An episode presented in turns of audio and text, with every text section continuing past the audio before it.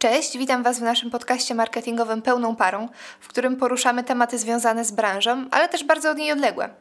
Dzisiaj z Moniką i Marcinem będziemy rozmawiać o pracy kontentowca. Jeżeli na samo brzmienie słowa content przeszedł Was nieprzyjemny dreszcz, to proszę nie wyłączajcie nas, ponieważ sami wiemy, że jest to bardzo korpo słowo, ale ono bardzo dobrze zbiera mnogość znaczeń. No właśnie, yy, jakich znaczeń, co się pod tym słowem kryje i w zasadzie czym jest content, a dalej czym jest praca kontentowca?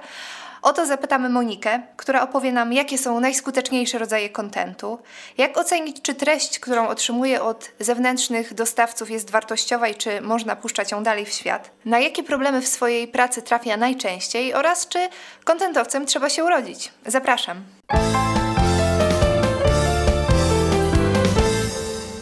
Monika, jesteś kontentowcem u nas, wiadomo. Tak, to prawda. I y, opowiedz nam, czym jest praca kontentowca. Praca kontentowca to jest praca z treścią. Przez y, cały czas masz tak naprawdę styczność z tekstami oraz z innymi formami reklamowymi. No i zajmujesz się całym procesem, który dotyczy y, zamawiania, przesyłania tych treści. No to też jest bardzo zależne od tego, gdzie pracujesz i jaki jest zakres Twoich obowiązków. A czy kontentowcem człowiek się rodzi, czy trzeba Wydaje mi się, że jak się rodzisz, to już trochę to czujesz i wraz z wiekiem to narasta. A potem... masz 3 lata, to już jak... tak wtedy się formujesz jako kontentowiec. Tak, mniej więcej wtedy idziesz do mamy i mówisz Kasia chce być lekarzem, Basia chce być nauczycielką, a ja to coś słyszałam, że content marketing. To jest mniej więcej ten etap życia, kiedy tam zaczynasz mocniej i poważnie o tym myśleć. No ale praca kontentowca to jest praca z treścią, w zależności od tego, gdzie pracujesz i na jakim dokładnie stanowisku. Tak formuje się zakres Twoich obowiązków. A pisałaś maturę z polskiego? Pisałam maturę z polskiego na poziomie podstawowym i rozszerzonym. Jaką miałaś ocenę? O, nie miałam oceny, nie miałam oceny. Ja miałam maturę w tym nowym systemie, Marcin, czyli bardzo procentowo, bardzo procentowo miałam maturę. Mm, podstawowo... Jaki był temat? E, nie pamiętam. SEO? Nie pamiętam, czy tam właśnie było na temat analizy linków e, wychodzących, czy. Ale coś takiego, coś takiego, coś, coś było. A poważnie? A poważnie nie pamiętam swojego tematu z pisemnej matury z polskiego, pamiętam z ustnej, który wylosowałam i miałam. E, paraboliczne ujęcie świata w tekstach literackich i miałam fragment paraboli e, Wisławy Szymborskiej i trzeba było się odnieść do innych tekstów e, kultury, do przypowieści. Później y, dalej pracowałeś z językiem. Jak to się Twoja kariera rozwijała mm, szkolna? Moja kariera szkolna, wylądowałam na e, Wydziale Nauk Humanistycznych na UKSW. E, byłam tam przez 3 lata e, i uciekłam stamtąd do fabryki marketingu, gdzie jestem tu po dziś dzień, a obecnie no dalej też jestem na tym wydziale. Uciekłam, żeby wrócić. Czy takie studia na tym wydziale humanistycznym to one Pomagają w pracy? Pomagają i przeszkadzają. E, w, w, sensie e, samo, same studia polonistyczne to jest e, bardzo dużo czytania i jest bardzo dużo czytania i bardzo dużo tekstów takich e, około naukowych i naukowych, które w jakiś sposób e, dają ci taki tak, tak, taki filar wiedzy merytorycznej dotyczącej samego języka. To jest taka dobra podstawa, żeby wiedzieć, gdzie postawić przecinek i w jaki sposób e, sformułować dane zdanie, żeby nie było błędu. Ale na dobrą sprawę stu, studia filologiczne to są studia bardzo ogólne i nie przygotowują cię do pracy w e, tym zawodzie na pewno. To może być to dobre rozwiązanie dla osób, które faktycznie potrzebują jakiejś tam ogólnej wiedzy, chcą się ogólnie rozwijać, plus e, chcą pracować nad warsztatem gdzieś z boku. Na pewno same studia same w sobie nie będą podstawą do tego, żeby wyjść jako gotowy specjalista. No to czy w takim razie można się jakoś przygotować do, do pracy kontentowca? W jakiś sposób na pewno. To zależy przede wszystkim od tego, w, jakim towarzystwie się obracasz i czy trafisz w swoim życiu na osobę, która powie ci, jak to zrobić. Czy tak na przykład teraz my mówimy ci tym podcastem, młody człowieku, ale tak zupełnie, tak, tak zupełnie poważnie, to e, można od razu.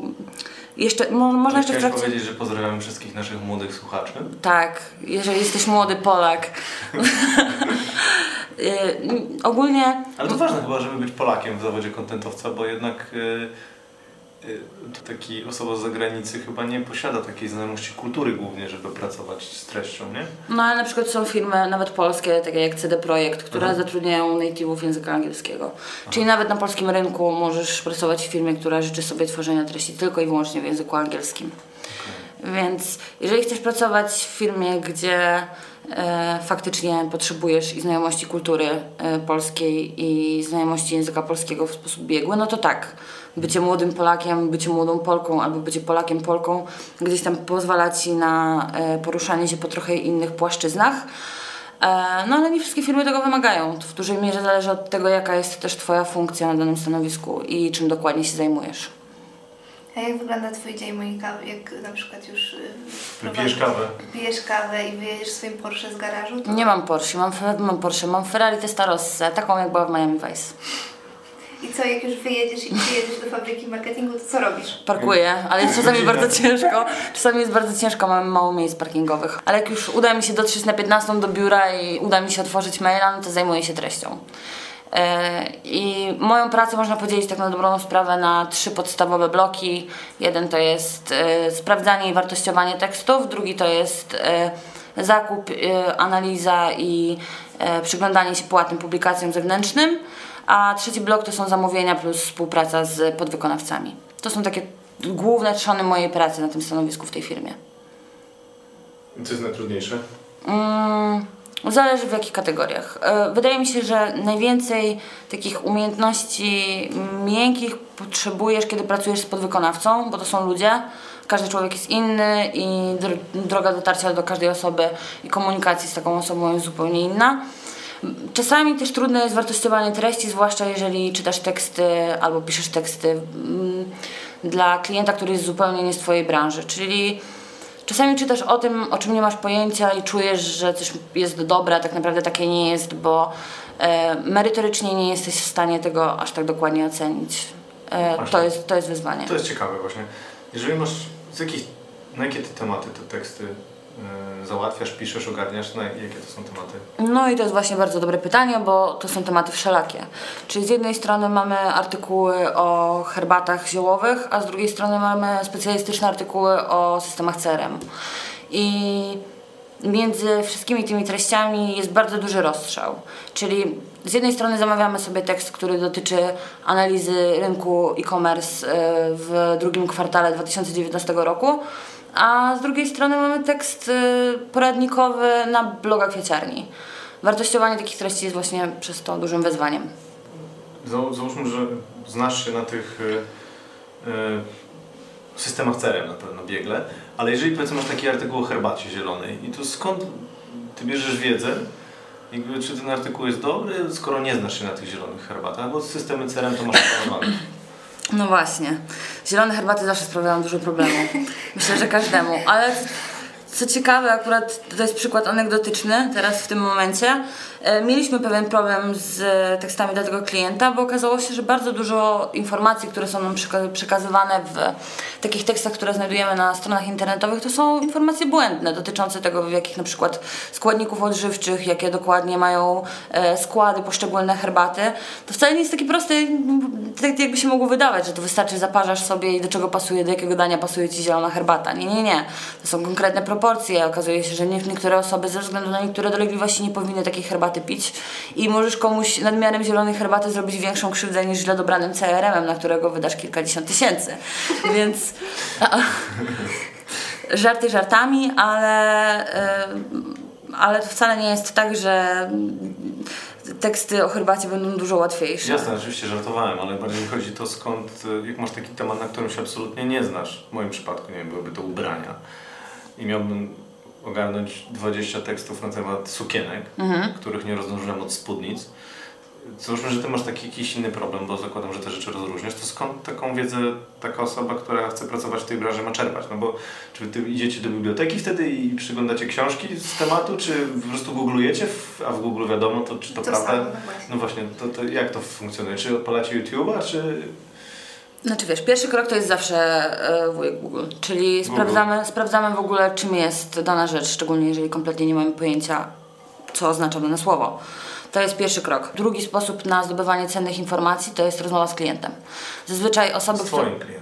Z klientem, którego dotyczy na przykład dana treść. Jeżeli już y, siadamy z, z klientem albo rozmawiamy z klientem przez telefon i on udziela nam informacji, czym jest dana rzecz, to jest dla nas podstawa do tego, jakich informacji mamy szukać i gdzie mamy po nie sięgać. Y, bardzo często jest tak, że klienci chętnie dzielą się swoją wiedzą na swoich stronach internetowych, tylko że w niekoniecznie przystępny dla nas sposób. Czyli w ich zakładkach ofertowych albo w opisach usług, które mają na swoich stronach, możemy znaleźć odpowiedź na większość nurtujących nas pytań i stworzyć na ich podstawie treści, które będą takie typowo content marketingowe. Potem wiadomo, z każdą kolejną treścią i z każdymi kolejnymi uwagami od klienta jest coraz łatwiej, bo nabierasz przynajmniej ogólnej wiedzy na, na dany temat i widzisz, jakie są oczekiwania. A co dla Ciebie jest najtrudniejsze w tym wszystkim? Dla Ciebie jako dla, dla osoby, która z tym codziennie pracuje? Największe wyzwania codzienne? Największym wyzwaniem w mojej pracy jest przede wszystkim e, znalezienie takiego złotego środka pomiędzy tym, czego oczekują specjaliści, a tym, czego oczekuje klient. Bo jak wiemy, e, treść to jest coś, na co każdy ma swój własny pomysł. Czyli inny pomysł mam ja, inny pomysł masz ty, inny pomysł ma e, klient, bo to jest rzecz, która jest widoczna dla klienta i którą umie tak jakby sam ocenić. O ile nie wejdzie w Google Analytics raczej i nie będzie się przez, nim, przez niego przekli, przeklikiwał i dyskutował ze specjalistą, mediowcem, co byłoby dla niego lepsze lub nie, e, ale raczej nikt nie będzie podważał e, decyzji seowca, który mówi o przebudowie strony internetowej w konkretnych aspektach albo o zmianie kodu. Za to treść to jest coś, co klient widzi i ma prawo mieć do tego obiekcje, bo rozumie to, często rozumie swój biznes, najczęściej rozumie swój biznes dużo lepiej niż jesteśmy w stanie zrozumieć go my, e, nawet mimo naszych szczerych chęci. Więc bardzo, bardzo trudno jest znaleźć e, e, taki złoty środek między naszymi oczekiw oczekiwaniami oczekiwaniami klienta, dopasować się do jego potrzeb, a przy tym nie tracić e, tak jakby głównego nie gubić głównego celu danej treści. Okej, okay, czyli rozumiem, że problemem jest to, że klient może mieć uwagi i bardziej rozumie temat, w którym się poruszasz, to jest mega trudne, to i jak sobie z tym radzić? Rozmawiać z klientem i oferować mu różne wyjścia. Nie zamykać się na to, że na przykład klient uważa, że dane rozwiązanie nie sprawdzi się w przypadku jego strony internetowej, w przypadku jego klientów, albo po prostu zaproponowane przez nas rozwiązanie mu się nie podoba. Czyli praca sprzedawcy taka trochę trochę trzeba ten tekst sprzedać i trochę trzeba tym tekstem sprzedawać, więc e, to jest, to jest... To chyba musimy zapisać w jakichś złotych, w złotych myślach tego podcastu. Mm, nie wiem, czy to jest aż tak e, fajna informacja, ale trochę trzeba ten, ten tekst sprzedać i trochę trzeba ten tekst sprzedawać. Z jednej strony trzeba często treści bardzo bronić, więc trzeba wiedzieć, dlaczego uważamy, że coś jest dobre, a coś jest niekoniecznie słuszne, ale z drugiej strony no, trzeba być otwartym na potrzeby klienta, więc czasami 3, 4, 5, 6, 10 partii poprawek albo napisanie czegoś od nowa jest lepszym rozwiązaniem niż na siłę forsowanie e, swojego rozwiązania. Czyli ty umiesz żyć z odrzuceniem? To było bardzo trudne, jak zaczęłam tutaj pracować. E, jak przyszłam na początku do pracy i pierwszy raz zetknęłam się z taką krytyką na zasadzie nie, bo nie, E, bo nie podoba mi się, bo chciałbym inaczej, do tej pory robiłem inaczej, było mi bardzo trudno, bo czasami czułam, że to, co proponuję klientowi, może być dla niego lepsze, będzie działało lepiej, jest napisane zgodnie z wytycznymi e, osoby odpowiedzialnej za SEO, jest dopracowane, ale on i tak mówił, że nie. No i w, takiej i w takich sytuacjach jest czasami bardzo trudno się z tym pogodzić, bo masz świadomość tego, że to, co oferujesz, jest dobre, ale jednak ta druga strona nie jest na to tak do końca otwarta. I wtedy trzeba szukać, trzeba szukać rozwiązań. Tak jak powiedziałam też wcześniej, praca z tekstem to jest praca z czymś, co klient widzi. To jest praca y, z treścią, który, którą widzi klient i widzą inne osoby, więc będzie mu zależało na tym, żeby była spójna z jego wizją i trzeba być tego świadomym i na to otwartym, nawet jeżeli nasza wizja gdzieś od tego odbiega. Czyli I z krytyką trzeba sobie po prostu radzić. Myślałaś jak bohater jednego z filmów, że przychodzisz do fabryki poetów. Oczywiście. Myślałam, że do szkoły poetów przychodzę i Pana Boga za nogi złapałam. 120 było nas na pierwszym roku. Ale faktycznie, faktycznie gdzieś e, trzeba się w wielu momentach pogodzić z krytyką i zaproponować inne rozwiązanie, czasami nagiąć to, co nam się podoba do oczekiwań klienta. I dopasować się do jego potrzeb. Jak wyjdzie, to jest satysfakcja, bo widzisz swoje teksty gdzieś na żywo działające. Tak, ogromna satysfakcja. To jest... To jest coś niesamowitego zobaczyć e, na przykład na stronie e, dużego działacza z branży IT treść, którą się napisało od podstaw, albo treść, którą się opracowało i uratowało, kiedy wyglądała już bardzo źle.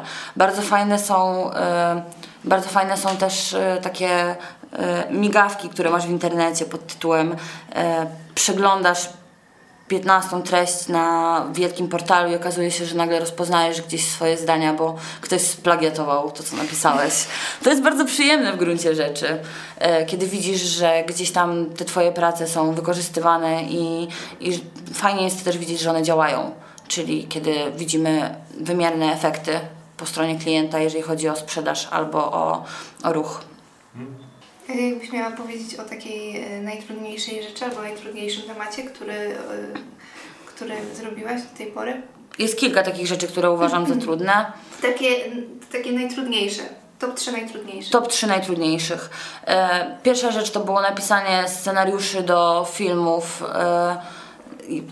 Właściwie od razu, kiedy przyszłam tutaj pracować, minął miesiąc, kiedy robiliśmy projekt dla klienta z branży IT, promujący e, webinary e, i eventy i robiliście, robiliśmy scenariusze do krótkich dwuminutowych filmów, gdzie zaczynały i kończyły się whiteboardem, plus e, pisaliśmy wypowiedzi ekspertów. I to był dla mnie sam start, kiedy pracowałam tutaj no, dosłownie miesiąc i miałam zetknięcie z formatem, który był dla mnie czymś zupełnie nowym, googlowanie każdego słowa. E, W sensie merytorycznie nowe, tak? W sensie, że się nie znałaś na tym IT konkretnie. ani na IT, ani na pisaniu takich treści. Ani nie umiałam napisać scenariusza e, do, do whiteboardów, Ale ani... do klienta było przedstawione, że jesteśmy najbardziej profesjonalni Oczywiście. w świecie. No właśnie. Oczywiście. Fake it until you make it. Ale jakoś daliśmy radę. Tak, daliśmy radę, wydaje mi się, że wyszło super finalnie, ale to, to był dla mnie zupełnie nowy format e, treści, bo pisanie na czas i pisanie pod wideo to też jest bardzo specyficzna rzecz. E, I to było bardzo duże wyzwanie, które, które gdzieś tam się przydarzyło na samym początku i to był taki najtrudniejszy temat do ogarnięcia, jeżeli miałabym go wpisać w top 3. Drugi temat to był klient, któremu nie podobało się zupełnie nic, dosłownie. Jak bardzo byśmy się nie starali, e, jakość była odbiegająca od tego, czego oczekiwał. E, był to duży klient i sprostanie jego wymaganiom było bardzo trudne. Zajęło nam to czterech copywriterów i dwa miesiące. Ale nie żyją? O, copywriterzy czy klienci? Też, no bo zajęło nam czterech. Tak, ale, ale zajęło, nam to, za- zajęło nam to pracę z czterema róż, różnymi osobami, pracę z klientem tydzień w tydzień, analizującym trzy różne warianty tego samego tekstu, aż w końcu znaleźliśmy rozwiązanie, które na tyle go zadowoliło, że współpracowaliśmy praktycznie do końca e, już tylko i wyłącznie z tą osobą, która pisała dla nich treści. To było duże wyzwanie i Trzecie, takie jakbym miała wybrać sobie jedno, to był pierwszy tekst do prasy. To mm, dla mnie osobiście, y, mając świadomość tego, jak duże są ograniczenia dotyczące układu treści, ograniczenia dotyczące y, samego projektu, y, ograniczenia dotyczące tego, co gazeta puści, a czego, gazeta nie puści, było, były bardzo, bardzo dużym wyzwaniem. To był te, trudny temat do ogarnięcia, pierwszy tekst do prasy, ale też się udało i było super. Ja mam praktyczne pytanie do tego punktu drugiego. Skoro powiedziałeś, że zajęło to czterech copywriterów, tak? To tak z punktu praktycznego widzenia, jak ktoś nie chce pracować z tobą albo chciałby pracować samodzielnie, to skąd on ma takiego, takiego copywritera znaleźć? Jak takiego copywritera znaleźć? Dwa, jak ocenić, czy ten copywriter jest dobry? Jak, jak się do tego zabrać? Copywriterzy są praktycznie wszędzie. E, można ich spotkać na niemal każdej grupie poświęconej marketingowi. Na Facebooku ich ogłoszenia na stronach internetowych są bardzo często pozycjonowane, więc wystarczy wpisać copywriter e, w wyszukiwarkę, w wyszukiwarkę, żeby znaleźć masę. Copywriter Warszawa? Copywriter Warszawa i okolice. E, ale tak, zazwyczaj wystarczy. Zazwyczaj wystarczy wstawić post e, na jedną z grup na Facebooku grupy? copywriter poszukiwany, poszukiwana pod tytułem Szukam osoby, która napisze mi tekst dotyczący marketingu na 3-3,5 tysiąca znaków ze spacjami, który umieszczam na swoim blogu. Słynne ZZS? ZZS. Czekam na dzień, kiedy ktoś e, powie, że nie chce się z nami rozlicz- rozliczać za spację i dostanie od nas blok tekstu 3000 znaków bez ani jednej spacji. To jest moje marzenie. Rozumiem, że to jest, e, okej, to pewnie jakiś taki głęboki żart kontentowca, który, który nam intelektualnie, tak powiem, nie, nie, nie, jesteś w stanie sprostać, ale ja mam pytanie, okej, okay. czyli nie jest problem znalezienia copywritera, czyli Nie. pytanie nie jest może takie, yy, w takim razie jakby, okej, okay, jest nadmiar tych copywriterów. Taka Tak. ciekawostka, To- średnio na jeden nasz post dotyczący tego, że szukamy podwykonawcy, odpisuje od 30 do 60 osób. Okej, czyli to tak jakby wszędzie każdy jest copywriterem swoim, no to właśnie, takim razie skoro jest ich tak wielu, to jak, jak ocenić? W sensie, jak nie będąc polonistą albo nie robiąc tego zawodowo i jesteś powiedzmy małą firmą albo jesteś w większej firmie i potrzebujesz tekstów na swoją stronę internetową, to my akurat wiemy z tego, że klienci mają z tym największy ból, to w jaki sposób y, ocenić, czy ten człowiek, który pisze, no pewnie czasami ten jego tekst taki przedstawiający jest super ciekawy, nie? W sensie jakiś taki zaczepny, albo właśnie tak widuje czasami w tych mailach. W sensie na co patrzeć, jakby co, co, co zrobić, takie jakieś podstawowe rzeczy, żebyśmy wiedzieli, nie? Fajnie jest zapytać o, o portfolio, jeszcze zanim zaczniemy analizować treść, którą ewentualnie dostaniemy. To jest e, bardzo dobrym pytaniem jest e, postawienie sprawy, bardzo, bardzo, dob- bardzo dobrym rozwiązaniem jest zapytanie wprost, czy dana osoba pracowała przy jakimś projekcie, który jest związany z naszą bezpośrednią konkurencją albo e, projektem z naszej branży, żeby zobaczyć, jakie rozwiązania w danych treściach były stosowane i czy to jest coś, na co sami chcielibyśmy się zgodzić, ewentualnie e, coś, co nam zapada w pamięć i nam się podoba. To jest jedna rzecz. Patrzenie na portfolio. Druga rzecz, no to jest sposób komunikacji z danym e, copywriterem, jeszcze zanim zaczniemy za, zamawiać teksty. Jeżeli widzimy, że się stara, jeżeli widzimy, że pisze do nas schludne maile, to możemy się domyśleć, że napisze dla nas też schludny tekst. Bardzo często zdarza się, że osoby, które nie przywiązują żadnej wagi do tego, w jaki sposób prezentują swoje słowa, że tak to brzydko nazwę, w mailach, potem piszą słabe treści. Jednak e, w przypadku copywriterów, e, content marketingowców i osób, które pracują z treścią, e, każda wiadomość od nich powinna w pewien sposób być ich wizytówką, jeszcze zanim zamówimy u nich treści. Więc jeżeli widzimy, że dana osoba ma trzy literówki i pięć skrótowców, to możemy się domyśleć, że tak samo po jak kontakt z nami potraktuje też naszą treść. Jeżeli jednak zdecydujemy się na zamówienie już tej treści u konkretnej osoby, dajmy jej jak najwięcej informacji i pokażmy jej, co nam się podoba. Czyli wyślijmy jej linki do publikacji na stronie konkurencji albo nawet na zupełnie inne tematy, które są według nas zrealizowane w sposób prawidłowy. Jeżeli podoba nam się na przykład tre- układ treści jak Anna Onecie, który jest bardzo popularny, krótki lead, potem wstęp, rozwinięcie i podsumowanie, które jest często zabawne, no to pokażmy to. Nie zostawiajmy copywritera z brakiem świadomości na temat tego, co jest w naszym stylu, a co nie jest w naszym stylu. E, I kiedy dostajemy finalnie tekst, przede wszystkim zobaczmy, czy e, copywriter zaznajomił się z tym, co mamy na swojej stronie internetowej lub z materiałami, które e, mu podesłaliśmy. Zobaczmy, czy zastosował się do naszych uwag i czy faktycznie to, to co mu pokazywaliśmy wcześniej, ma jakiekolwiek przełożenie na treść, którą on nam dostarczył. Nie chodzi o to, żeby ktokolwiek robił tutaj kopię e, układu, czy o kopię merytoryki, czegokolwiek. E, chodzi o to, żeby Skute, skuteczny i dobry copywriter jest otwarty na sugestie i potrzeby klienta i to będzie bardzo łatwe do zweryfikowania w treści, nawet jeżeli nie mamy skończonych e, studiów polonistycznych albo nie siedzimy 15 lat w branży. A jak się rozliczać, bo skoro jest ich tylu, to nie wszyscy chyba mają firmy. Nie. To jak, jak to się robi? To każda firma wypracowuje sobie własny model rozliczania się zasobami, z którymi nie prowadzi relacji B2B. Bardzo popularne są umowy o dzieło. Wielu copywriterów e, nie jest w stanie e, tak jakby zacząć pracy, jeżeli umowa o dzieło nie zostanie podpisana. Część z nich pracuje też na umowach o dzieło z przedpłatami.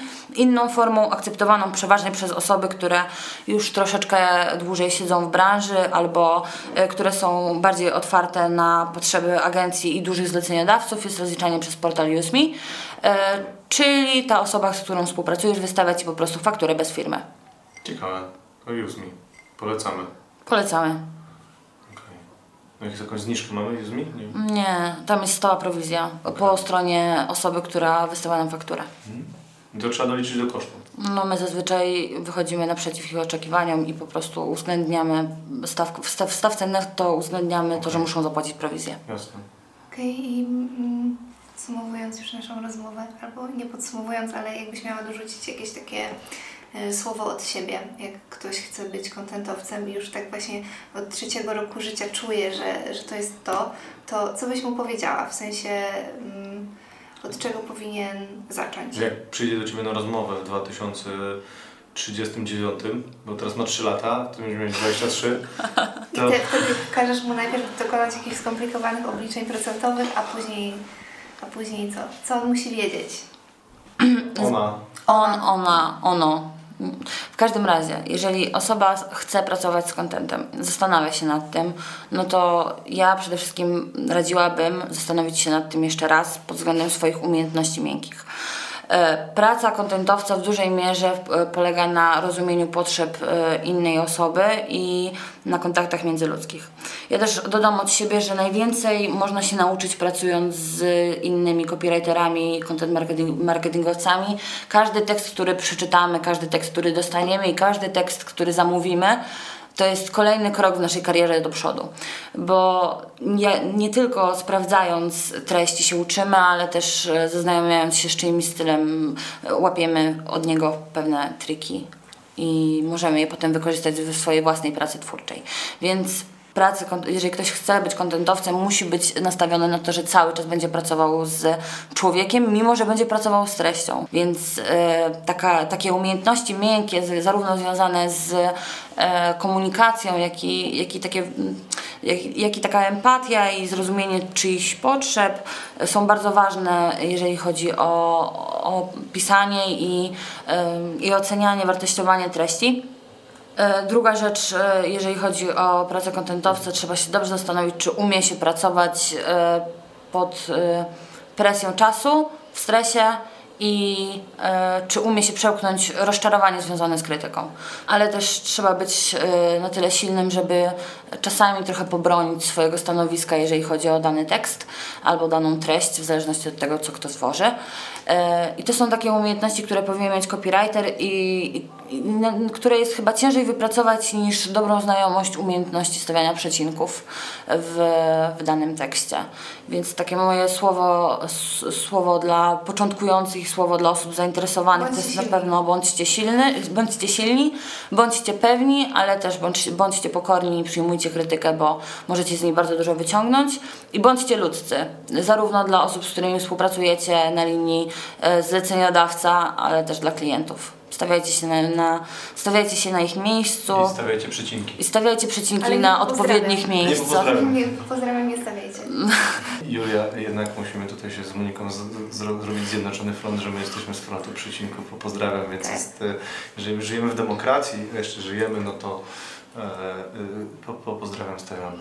Pozdrawiam, Przycinek. stawiamy. Ja tylko wytłumaczę już zupełnie kończąc, że chodzi o taki, o taki nasz roczny spór, w którym się zastanawiamy, czy po pozdrawiam stawiamy przecinek, y, czy nie. Jeżeli dotrwaliście do końca, to można y, głosować w ankiecie, co uważacie. Ja jestem Czekamy na Wasze opinie. Czekamy na Wasze opinie i komentarze. Ja uważam, że nie stawiamy przecinka po pozdrawiam. Monika i Marcin uważają, że stawiamy. Bardzo Wam y, dziękuję za tę rozmowę, było super. Dziękujemy. Ci uprzejmie. Dobra, no to kontynuując o serialu Odrze o Tron. To co Aha, a teraz już wiesz, tak nastawiłeś. Ej, nie, nie mogłeś kliknąć, wyłączyć się. Ale wiesz, jaki moderator. E, Dzień dobry, mam na imię Julia i chciałem dzisiaj Państwa zaprosić na tą jakże fantastyczną przejażdżkę po naszej wyobraźni. Przyjażdżkę po Jednak- wyobraźni, jakie jakie fantastyczne Jednak siedzenie z Norbertem i dzień dobry Pani Sylwio gdzieś tam zmusza Cię do panowania nad intonacją, co? Tak, ale ciągle nie jestem w to dobra. Dobra, ale dlaczego uważasz, że Grotron ósmy sezon był słaby? To nie jest tak, że uważam, że był słaby. W sensie większość osób uważa, że nie był tak dobry jak e, te seriale, które są kręcone na podstawie książek. I może coś w tym jest. Mam wrażenie, że niektóre, niektóre związki między bohaterami zostały pokazane dosyć powierzchownie. Ale jeżeli chodzi tak, e, dlaczego, dlaczego, czego mi tam brakowało? Na przykład cały ten motyw zdany, że ona się zrobiła taka szalona. Ona się zrobiła szalona praktycznie z odcinka na odcinek. Nie, I tam brakowało tej konsekwencji. Z jednej strony masz tą mysę, która jest wy, wy w ogóle wyzwolicielką z okołów, a z drugiej strony masz laskę, która przychodzi i pali dzieci, nie? I No, ale ona zwariowała, na początku już w ogóle tego zwariowała, bo po pierwsze, jak się zastanowisz nad tym charakter arc, no to na początku jej brata, naj- najpierw generalnie straciła rodziców, później jedyny, jeden, jedyny koleżka, który był w jej życiu brat, został yy, zatopiony w złocie, tak? przez nią. No W przez, sensie- nie przez nią. No nie, no przez swoje zachowanie, No, przez swoje zachowanie, zachowanie. przez jakby zwyczaje. Później jej mąż zginął, to jakaś taka stabilizacja. Później ona wyszła Straciła dziecko. straciła dziecko, ale urodziła smoki. Yy, wiesz, jakby to, to szaleństwo było takie narastające. Później poszła walczyć z systemem i to wydaje mi się, że ona jakby wariowała przez cały serial, tylko myśmy po prostu chcieli, kibicowaliśmy jej, więc nie zauważyliśmy jej, że, że, że, że, że, ona, że ona wariuje. Ale druga rzecz jest taka, że to trochę jak ze sprzedawcą. Że jak coś ci sprzedaje, to ci obiecuje, wiesz, Złote góry. tak, Ale będzie super. ale będzie super i w ogóle jakby musi być ta gadka sprzedażowa. I teraz jakby ona, jak tam chciała pozyskać to królestwo, i potrzebowała wszystkich, potrzebowała zdobyć władzę absolutną, no to musiała się liczyć, bo potrzebowała sojuszników. Ale skoro jakby z jednej strony była szalona, ale się tam powstrzymywała, a później zdobyła, tych, zdobyła władzę absolutną, miała smoka, bomba atomową miała, nie? No to wtedy powiedziałem, że, że, że to dziękuję i będzie mordować dzieci, no. W sensie wydaje mi się, że, że patrząc na to, co ona zrobiła, to było jedyne logiczne rozwiązanie w kontekście jakby całego tego królestwa. Tylko myśmy tego nie zauważali, bo zawsze płakaliśmy, że Ona jest biedna i nieszczęśliwa. nie, że serial nam zabija ul- ulubionych bohaterów, że ci źli zabijają. Mhm. W całym serialu wszyscy, wszyscy giną. Typu ginie najpierw ten Ned, później jakby serial morduje, ci źli mordują, później tam ci giną na ten The Red Wedding, wszyscy giną, wszyscy giną, wszyscy giną, a tym, tym którzy kibicujemy, nawet Jon Snow ginie, nie? Przecież wszyscy są mordowani.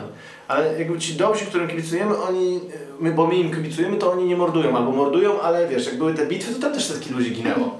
W sensie, że jeżeli jest bohater dobry, to dobrze, że morduje, bo to jest w jakiś sposób uzasadnione, a to było zupełnie wyrwane ze schematu, tak? To Tak, a tu to- później na samym końcu, jak się okazało, że ona zabiła dzieci i tak dalej, ale wszyscy przez ten cały serial mordowali dzieci w setkach tysięcy, nie? W sensie ten król Joffrey, wszyscy byli szaleni i mordowali i tak dalej. To jakby na tym się zasadzało jakby pozyskiwanie tej władzy.